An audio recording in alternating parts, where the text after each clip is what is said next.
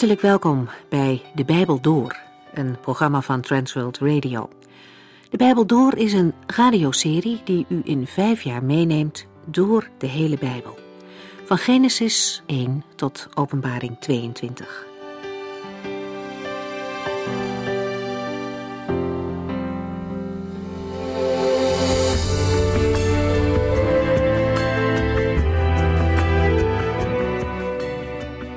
Fijn dat u ook vandaag weer luistert. We gaan verder met de psalmen. In psalm 21, waar we de vorige keer het over gehad hebben, staat de Heere centraal, ook al hoort hij bij de koningspsalmen.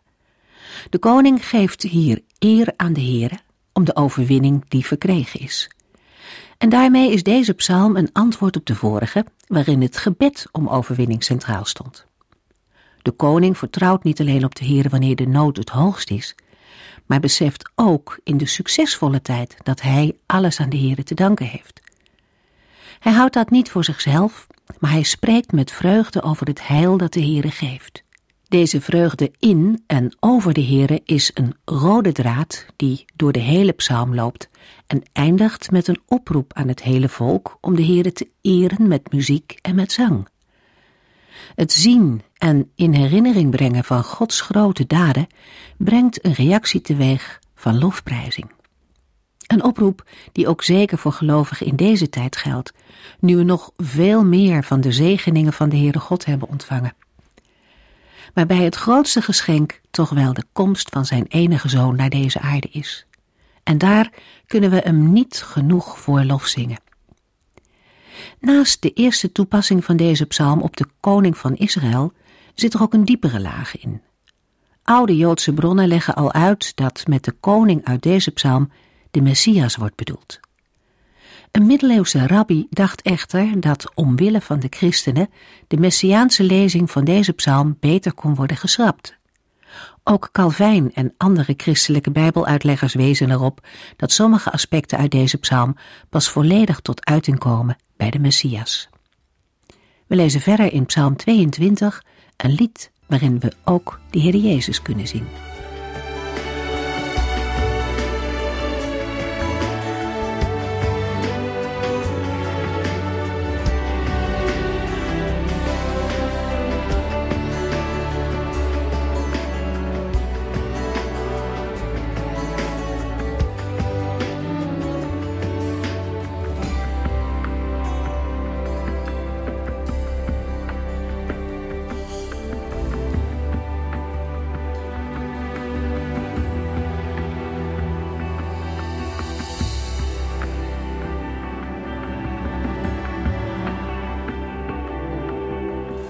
Psalm 22 past goed bij een leider, waarschijnlijk de koning van het volk. Aangezien er geen goede reden is om aan te nemen dat David deze psalm niet heeft geschreven, wordt zijn naam in het opschrift hier opgevat als van de auteur. Ik kan mij voorstellen dat sommigen nu denken: hoezo niet van David? Het staat er in de Hebreeuwse grondtekst toch bij dat de psalm van David is. Ja, dat is zo, maar er is onder Bijbeluitleggers altijd discussie geweest over de vertaling van de verschillende opschriften bij de psalmen. Veel Bijbeluitleggers kiezen voor een eenvoudige benadering, namelijk dat een opschrift in de regel secundair is bij de betreffende psalm. Veel opschriften zijn dan later of met grote onzekerheid vastgesteld. Bovendien maakt het Bijbelboek Psalmen deel uit van de geschriften deze geschriften worden vaak gezien als de meest recente collectie Bijbelboeken van het Oude Testament, en daardoor kunnen, volgens Bijbeluitleggers, de opschriften van de psalmen gemakkelijk latere toevoegingen zijn. Maar daar denken wij anders over, omdat er ook argumenten zijn die een andere opvatting rechtvaardigen. Voor de Hebreeuwse Bijbel zou het hoogst uitzonderlijk zijn dat opschriften veel later aan de liederen zijn toegevoegd. Al het vergelijkingsmateriaal suggereert het tegendeel. In de psalm van Hiskia, Jesaja 38, en Habakkuk, Habakkuk 3, als ook in de opschriften in Spreuken, zijn de opschriften integraal onderdeel van de tekst en er moeilijk van te isoleren. Daarbij komt dat op grond van de archeologie steeds duidelijker is geworden, vooral bij opgravingen in Egypte en Mesopotamië, dat opschriften, subtitels, colofons en zelfs auteursnamen ook voor oudere gedichten werden gebruikt. Het doet vermoeden dat het Jodendom van begin tweede eeuw na Christus weinig meer begreep van de tempelgewoonte uit de tijd van voor de ballingschap. Ze hadden geen voeling meer met de Levitische gewoonten van vroeger, waarvan de opschriften spreken. Omdat het Oude Testament getuigt van een constant gebruik van de psalmen tijdens de regering van David, is het onbegrijpelijk dat het volk vervreemd raakte van deze liturgische gebruiken, tenzij we een periode kunnen aanwijzen waarin dit moet zijn gebeurd. Waarschijnlijk is dat gebeurd in de periode van de Babylonische ballingschap, toen de tempel meer dan een halve eeuw niet functioneerde. Psalm 22, vers 1. Een psalm van David voor de koordirigent, te zingen op de wijze van de hinde in de morgenstond. Vanuit de historische Bijbelboeken zijn geen nauwkeurige overeenkomende gegevens bekend die een link leggen met de inhoud van Psalm 22. Toch is het wel mogelijk dat David een psychische depressie heeft meegemaakt, waarop de woorden van vers 15 en 16 toepasbaar zijn. De vijandschap en benarde omstandigheden die David moest meemaken, kunnen hem in een donker dal hebben gebracht. De dichter worstelt met lijden, maar het is niet mogelijk te zeggen wat dat precies inhield. Hij blijft namelijk steeds in algemene termen over zijn situatie spreken. In ieder geval is duidelijk dat de dichter door anderen wordt bespot. Die bespotting is ongetwijfeld deel van zijn lijden, maar mogelijk is een andere vorm van ellende de oorzaak van de bespotting. In de psalm zelf vinden we geen directe aanleiding voor het schrijven. Er is in algemene zin sprake van verwerping door de gemeenschap, van eenzaamheid en van aanvallen door de vijand. Hierdoor is dit gedicht op velen toepasbaar en ook bruikbaar in de tempelliturgie. Het lied is een individuele klaagzang, maar het is goed mogelijk dat de psalm tevens een liturgie biedt die de functie had om de enkelin in de context van de gemeenschap te plaatsen. Het besef van de gemeenschap is in ieder geval in de versen 4 tot en met 6, 23 en 24, 31 en 32 aanwezig. Aangezien Psalm 22 voor het grootste deel uit een klacht bestaat, lijkt de bevrijding, waarvan in het tweede gedeelte wordt gesproken, nog geen werkelijkheid. Als dat wel zo was, zou de dichter eerder een danklied hebben geschreven. De psalm bevat ruwweg twee delen, waarbij de versen 2 tot en met 22 de klacht vormen en de versen 23 tot en met 32 de lofzang nadat verlossing is beloofd. Een meer gespecificeerde verdeling is ook mogelijk. Na het opschrift in vers 1 verwoordt de dichter in de versen 2 tot en met 6 dat hij zich verlaten voelt door de Heere, en daarna in de versen 7 tot en met 9 dat hij wordt veracht door mensen. Deze beide elementen dringen hem ertoe zich tot de Heere te richten, vers 10 tot en met 12, met het verzoek om zijn aanwezigheid. Daarna beschrijft de dichter uitvoerig zijn klacht in de versen 13 tot en met 19, als indirect pleidooi, om daarna bij een gebed om verlossing uit te komen, vers 20 tot en met 22. Het slot van vers 22 is de ommekeer in de psalm. De dichter verwoordt de zekerheid dat de Heere hem antwoord heeft gegeven. Het vormt de basis voor de lofzang, die eerst gericht is op de situatie van David in de versen 23 tot en met 27, maar daarna in de versen 28 tot en met 32 een wereldwijd en op de toekomst gericht karakter krijgt. Psalm 22, vers 2. O God, mijn God, waarom hebt u mij verlaten? Ik schreeuw om uitkomst, maar die is ver van mij. Ik huil om hulp. De dichter geeft direct aan wat hem bezighoudt en uit zijn gevoel door God verlaten te zijn. De woorden uit Psalm 22, vers 2 hebben een bijzondere lading gekregen doordat de Heer Jezus heeft uitgesproken toen hij aan het kruis hing. Daardoor lezen christenen Psalm 22 vaak tegen die achtergrond. Jezus heeft de woorden van Psalm 22 niet als martelaar, maar als de zoon van God uitgesproken. Hij bleef ondanks zijn diepe lijden toch met de Allerhoogste verbonden. Vandaar het bezittelijke voornaamwoord Mijn God. Hij hield in zijn lijden de verwachting van de verlossing voor ogen. Zo zal de Heer Jezus deze woorden hebben uitgesproken om zich net als David in het diepst van zijn lijden vast te klampen aan de enige van wie verlossing te verwachten is. Ondanks zijn jammerklacht en zijn smeekgebeden blijft de verlossing die hij zo hard nodig heeft achterwege. Toch spreekt de dichter van Psalm 22 tweemaal over mijn God. Daaruit blijkt dat David zich ondanks alles met de Heere verbonden weet. Hij kan niet bevatten waarom de Heere, die hij al zo lang kent, zich afzijdig houdt. Het gaat hier niet om een antwoord op de vraag naar het waarom, maar om actie van Gods kant. De thema's van geloof en vertwijfeling zijn ook in het vervolg aanwezig. Psalm 22, vers 3 en 4.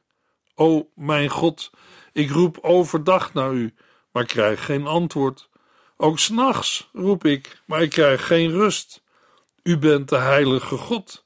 Israël eert u en brengt u hulde. De dichter houdt vast aan de woorden Mijn God, maar ook aan zijn verlatenheid. Of het nu overdag is of s'nachts, hij krijgt geen reactie op zijn wanhopig roepen naar de Heere. De laatste woorden, ik krijg geen rust, zijn de parallel van, maar krijg geen antwoord. David kon de stilte niet vinden, omdat de Heere stil bleef. Zijn situatie maakt het onmogelijk te zwijgen, zolang de Heere zwijgt. Deze God is de Heilige, die troont op de lofzanger van zijn volk Israël. Daarmee onderstreept de dichter het unieke karakter van God, die heel anders is als de mens. Heilig. Het is alsof David met deze woorden zijn wanhoop aan banden probeert te leggen. Hij, die heilig is, hoeft niet altijd te handelen zoals van hem wordt verwacht. Tegelijkertijd vormen deze woorden een oproep tot actie, want juist omdat de Heere de Heilige is, kan hij toch niet passief toekijken naar het lijden van David? Als God inderdaad troont op de lofzanger van Israël, zal hij toch luisteren naar de liederen en gebeden en zich willen inzetten om die lofzanger opnieuw mogelijk te maken.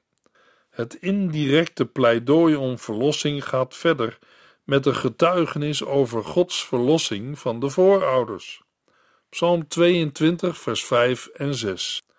Op u vertrouwden onze voorouders en u redde hen. Zij riepen naar u en u hielp hen. U hebt hun vertrouwen niet beschaamd. Zij hebben op God vertrouwd en werden niet beschaamd. Hun vertrouwen had het gevolg dat de Heere uitkomst bood. Zij riepen vol vertrouwen tot hun God en toen heeft Hij ze gered. Daarbij gaat het David om de verlossing die ook hij van de Heere verwacht niet om het vertrouwen van de voorouders te bewonderen. Hij vraagt de Heere reddend op te treden. Psalm 22, vers 7 tot en met 9. Maar ik lijk meer op een worm dan op een man. Mensen bespotten mij en het volk kijkt verachtelijk op mij neer. Ieder die mij ziet lacht mij uit. Ze grijnzen verachtelijk en zeggen hoofdschuddend: Breng het toch bij de Heere, laat Hij u verlossen. Hij zal u vast wel redden. Hij houdt immers van u. Na deze verwijzing naar vroeger beschrijft de dichter zijn eigen situatie. Hij noemt zichzelf een worm. Dit dier stelt niets voor, is weerloos en roept verachting op. Hiermee laat David zien dat mensen hem behandelen alsof hij niets is. Hij wordt bespot door omstanders en volksgenoten. Ze schudden het hoofd over hem een gebruik dat hier geen medelijden uitdrukt, maar spottende verbazing. David klaagt over het zwijgen van God, wat het verachtelijke spreken van mensen mogelijk maakt. De verbondenheid die David met de Heere heeft, wordt nu de basis voor spot. In eerste instantie klinkt het dan spottend tegen David: Breng het toch bij de Heere. Het zijn ook woorden die over Jezus worden gezegd in Matthäus 27, vers 43. Als God zoveel met hem op heeft, laat die hem dan komen redden. Hij is immers Gods zoon. De spot die door David wordt beschreven, wordt door de Heer Jezus aan de lijve ondervonden. Maar uit de context van Matthäus 27 blijkt dat het lijden van Jezus geen bewijs is van een gebrek aan liefde van God de Vader. Hetzelfde vinden we in Psalm 22. Als David dan inderdaad zo geliefd is bij zijn God, zal dat wel zichtbaar worden in de verlossing uit de ellende. Ondertussen stellen de spotters min of meer vast dat de liefde van God er volgens hen voor David niet is. Anders was het nooit zo ver gekomen. Psalm 22, vers 10 tot en met 12. U, Heere, liet mij ter wereld komen. U legde mij veilig aan de borst van mijn moeder. Bij mijn geboorte werd ik aan u opgedragen. Al sinds die tijd bent u mijn God. Laat er dan niet zo'n afstand zijn tussen u en mij, want ik zit diep in de problemen en geen mens helpt mij. Het is alsof de gedachte dat de Heere David heeft verlaten steeds verder tot hem doordringt. Het was ook zijn eigen gedachte aan het begin van de psalm. Toch legt David zich niet neer bij de afwezigheid van zijn God. De Heere liet hem geboren worden en gaf hem de veiligheid en voeding van de moederborst. Vanaf de geboorte werd David opgedragen aan de Heere, die hem als een vader ontving. Het was namelijk gebruikelijk dat het kind bij de vader werd gebracht, zodat die het als zijn kind kon erkennen. Deze afhankelijkheid maakt dat David weet dat hij niet met een onbekende God te maken heeft, maar heel persoonlijk met mijn God. Hiermee herhaalt David de woorden van vers 2 en 3 en legt ze verder uit. De relatie tussen David en de Heere vormt de basis voor het gebed dat volgt. In vers 12 vraagt David de Heere, vanwege de langdurige relatie, niet ver bij hem vandaan te blijven, maar David zijn aanwezigheid te laten merken. Het tweede versdeel van vers 12 geeft twee redenen voor dit verzoek. De eerste reden is: ik zit diep in de problemen, en de tweede: geen mens helpt mij. Wie anders dan de Heere, de Heilige, die trouw is gebleken aan de voorouders, die vanaf de geboorte voor David heeft gezorgd, kan hierin verandering brengen? Psalm 22, vers 13 tot en met 19. Ik sta midden tussen een hele groep stieren en ben omsingeld door buffels van Bazan. Ze brullen tegen mij, met wijd geopende bekken, en lijken verscheurende, brullende leeuwen. Ik voel me als water dat wegloopt, al mijn beenderen zijn ontwricht. Mijn hart lijkt op gesmolten was. Ik voel het bijna niet meer kloppen. Mijn keel is uitgedroogd en lijkt op een droge scherf. Mijn tong kleeft aan mijn verhemelte. Ik heb het gevoel of u mij in het stof van de dood legt. Er staan honden om mij heen, misdadigers omringen mij. Zij doorsteken mijn handen en voeten, ik kan mijn beenderen tellen. Zij vermaken zich door naar mij te komen kijken. Zij verdelen mijn kleren onder elkaar en loten wie mijn mantel mag hebben. De klacht wordt verder uitgebreid. De dichter weet zich in het nauw gedreven door zijn belagers. Hij ziet hen als gevaarlijke wilde buffels die hem hebben omsingeld en die bij de geringste verkeerde beweging hun horens als steekwapens zullen gebruiken. David maakt nog een andere vergelijking. Zijn belagers lijken ook op leeuwen, die hun muil brullend opensperren voordat zij hun prooi verscheuren. De dreiging van zijn vijanden maakt dat David geen hoop en moed meer heeft. Zijn kracht verdwijnt als gevolg van zijn wanhoop. In vers 15 beschrijft David op verschillende manieren zijn wanhoop. Het zijn geen standaard voorbeelden. David vergelijkt het met weglopend water en zijn hart lijkt op gesmolten was. De bijzondere zegswijze zal het wegebben van hoop en kracht aangeven. Dat David krachteloos is, wordt ook aangegeven met de woorden: Al mijn beenderen zijn ontwricht, terwijl juist een geraamte moet zorgen voor stevigheid.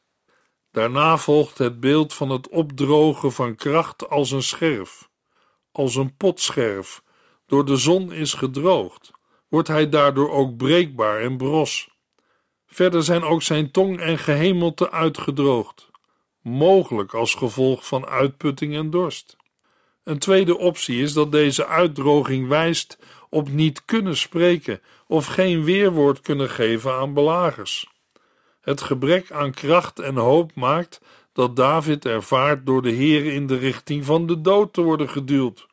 Het stof waar hij over spreekt geeft vernedering aan, maar roept ook de associatie met de dood op. In vers 17 gaat de klacht verder. De dichter wordt omsingeld. Met het beeld van de honden geeft David zijn belagers aan. Het doorsteken van handen en voeten wijst naar mogelijke martelingen die David heeft ondergaan, of, wat waarschijnlijker is, zo sterk op zich af ziet komen dat het voor hem vaststaat dat hij ze zal moeten ondergaan. De situatie van wanhoop en gebrek aan kracht heeft David uitgemergeld. Hij is fel overbeen. Er zijn wel mensen die hem zien en hem zouden kunnen helpen, maar ze steken geen hand uit. Integendeel, ze bespotten hem en genieten van zijn ellende. Mogelijk zien ze uit naar de winst die Davids dood hun oplevert. Ze beginnen al, voordat hij gestorven is, zijn kleren onder elkaar te verdelen. Het is niet verwonderlijk dat de woorden uit Psalm 22 direct doen denken aan het lijden van Christus op Golgotha, bijvoorbeeld aan Johannes 19, vers 23. Hierbij moeten we ook opmerken dat christenen is verweten dat zij deze teksten opzettelijk zouden hebben vervalst, zodat ze kunnen dienen als profetieën van de kruisiging. Maar de lezing van de Septuaginta en andere oude vertalingen vormen voldoende bewijs dat een dergelijke vervalsing niet heeft plaatsgevonden. Psalm 22, vers 20 tot en met 22. Here, blijf toch niet ver van mij afstaan. Kom snel bij me en help mij. U bent immers mijn kracht. Red mijn leven en voorkom dat ik door het zwaard word gedood. Ik ben eenzaam zonder u. Wend het geweld van deze honden van mij af. Bevrijd mij uit de muil van de leeuw en bescherm mij tegen de horens van de buffels. U hebt mij antwoord gegeven. David verplaatst de aandacht van zijn vijanden naar zijn God en grijpt terug op het gebed dat hij in vers 12 is begonnen. David roept het uit dat de Heere niet van verre zal blijven staan, maar hem zal helpen. De verwachte hulp wordt vervolgens concreet gemaakt en in omgekeerde volgorde worden de voorbeelden van de vijanden opnieuw aangehaald. Laat de Heere de dreiging afwenden. Dan klinkt ineens aan het slot van vers 22 een onverwachte uitspraak. U hebt mij antwoord gegeven. In de versen 23 tot en met 32 klinkt dan een lofzang voor de Heere. Een paar fragmenten daaruit zijn: Ik zal mijn broeders uw naam bekendmaken, te midden van de gelovigen zal ik een lied zingen tot uw eer. U die ontzag voor de Heere hebt, prijs zijn naam. Verhoog hem, volk van Israël, heb diep ontzag voor de Heere, volk van Israël, want hij veracht de zwakken niet. Hij is niet te goed om te helpen. Hij hoort het wanneer hij te hulp wordt geroepen. Vers 28. Over de hele wereld zal men de Heere leren kennen en zich tot hem bekeren. Alle volken zullen voor hem buigen. Vers 31 en 32. Het nageslacht zal hem dienen. En ieder vertelt zijn kinderen over hem. Zij zullen zijn recht en goedheid doorgeven aan alle die nog geboren moeten worden, omdat hij alles heeft volbracht. Voor christenen kan deze psalm niet gelezen worden zonder de associatie met het plaatsvervangend sterven van Jezus Christus aan het kruis van Golgotha. Toch zal door de schrijver van de psalm geen specifieke verwijzing naar de Messias zijn bedoeld. De psalm was voor de eerste hoorders en lezers goed te verstaan en uit te leggen tegen de achtergrond van de situatie van de dichter. Wij kunnen echter niet voorbijgaan aan de betekenis die er door de schrijvers van het Nieuwe Testament aan werd verbonden. Psalm 22 wordt wel het vijfde evangelie genoemd, en dat is gezien de vele citaten ervan in het Nieuwe Testament niet vreemd. Zo wordt het openingsvers geciteerd in Matthäus 27, vers 46 en Marcus 15, vers 34. Vers 19 handelt over het verdelen van de kleren en legt in Johannes 19, vers 24 het verband met de gebeurtenissen op Golgotha. Vers 23 wordt aangehaald in Hebreeën 2, vers 12.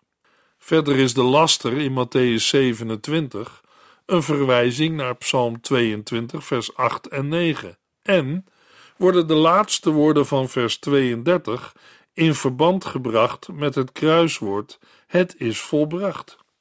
Ook past de herinnering aan geboorte en opgroeien goed bij de wonderlijke door God bestuurde geboorte van Jezus. Jezus denkt in de diepte van zijn lijden juist aan deze psalm. Hij zal niet alleen aan de woorden van vers 2 hebben gedacht, maar aan de hele psalm. De psalm krijgt voor ons een diepe betekenis omdat de zoon van David zich in zijn lijden heeft vastgeklampt aan zijn enige hulp, de God van David. Jezus vervult met zijn leven en sterven zowel het lijden van deze psalm als de verlossing die erin wordt vermeld. De algemene en wereldwijde aanbidding van de Heere, die door David is voorzien, wordt werkelijkheid doordat Jezus Christus daartoe de weg opent, niet enkel voor Israël, maar voor alle volken. Ook voor u, luisteraar. In de volgende uitzending lezen we Psalm 23 en 24.